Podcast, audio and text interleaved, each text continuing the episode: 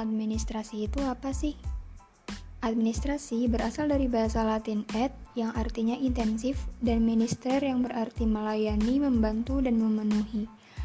Administrasi merujuk pada kegiatan atau usaha untuk membantu, melayani, mengarahkan, atau mengatur semua kegiatan di dalam mencapai suatu tujuan. Administrasi sebagai kegiatan kelompok yang mengadakan kerjasama guna menyelesaikan tugas bersama. Simon tahun 1958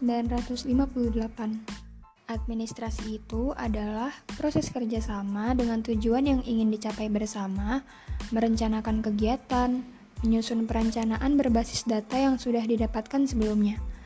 Administrasi juga berarti sebuah kegiatan, pemikiran, dan seni bahwasanya administrasi adalah suatu ilmu terapan untuk meningkatkan kinerja juga produktivitas sekelompok orang. Ruang lingkup administrasi meliputi tiga jenis. Ada administrasi negara, administrasi swasta, dan administrasi internasional. Yang pertama ada administrasi negara. Administrasi negara memberikan pelayanan yang sebaik-baiknya kepada masyarakat atau public service demi kepentingan kesejahteraan rakyat banyak, infrastruktur, kesehatan, dan lain-lain.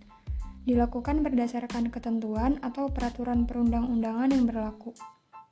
Administrasi negara mengutamakan kebenaran sesuai prosedur yang telah ditentukan. Cara kerjanya dianggap kurang efisien dan bersifat monopolistik atau mengutamakan kepentingan umum. Administrasi negara mencakup administrasi pemerintahan dan administrasi perusahaan, seperti administrasi sipil, administrasi militer, dan juga perjan, perum, atau BUMN. Selanjutnya ada administrasi swasta. Administrasi ini memperoleh keuntungan sebesar-besarnya atau profit motif demi kepentingan kesejahteraan individu dan kelompok.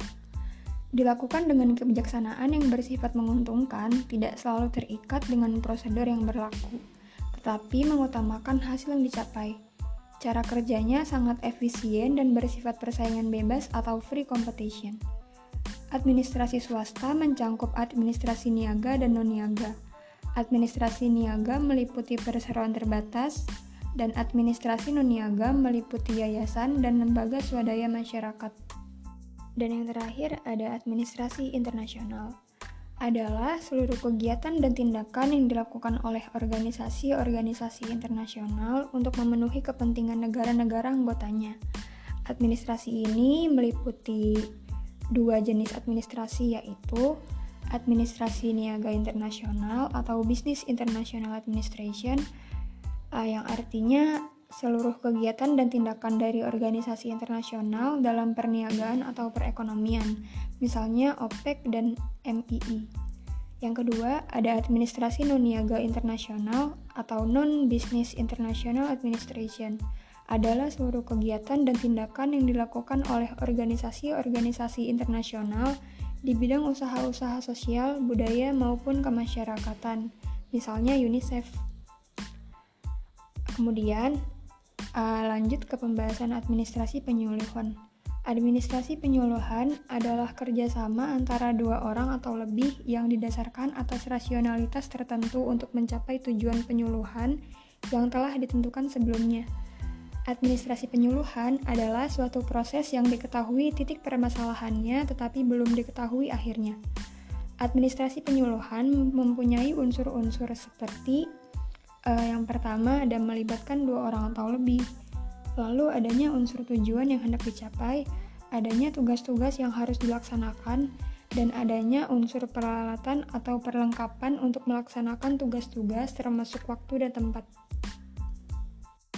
Administrasi penyuluhan memerlukan peralatan dan perlengkapan yang memadai dan ditentukan oleh jumlah orang yang terlibat dalam proses administrasi, sifat tujuan yang hendak dicapai, ruang lingkup dan aneka ragam tugas yang hendak dijalankan, dan juga sifat kerjasama yang perlu dibangun. Kinerja penyuluh tidak hanya dapat dilihat dari kemampuan kerja yang sempurna, tetapi juga kemampuan menguasai dan mengelola diri sendiri serta kemampuan dalam membina hubungan dengan orang lain.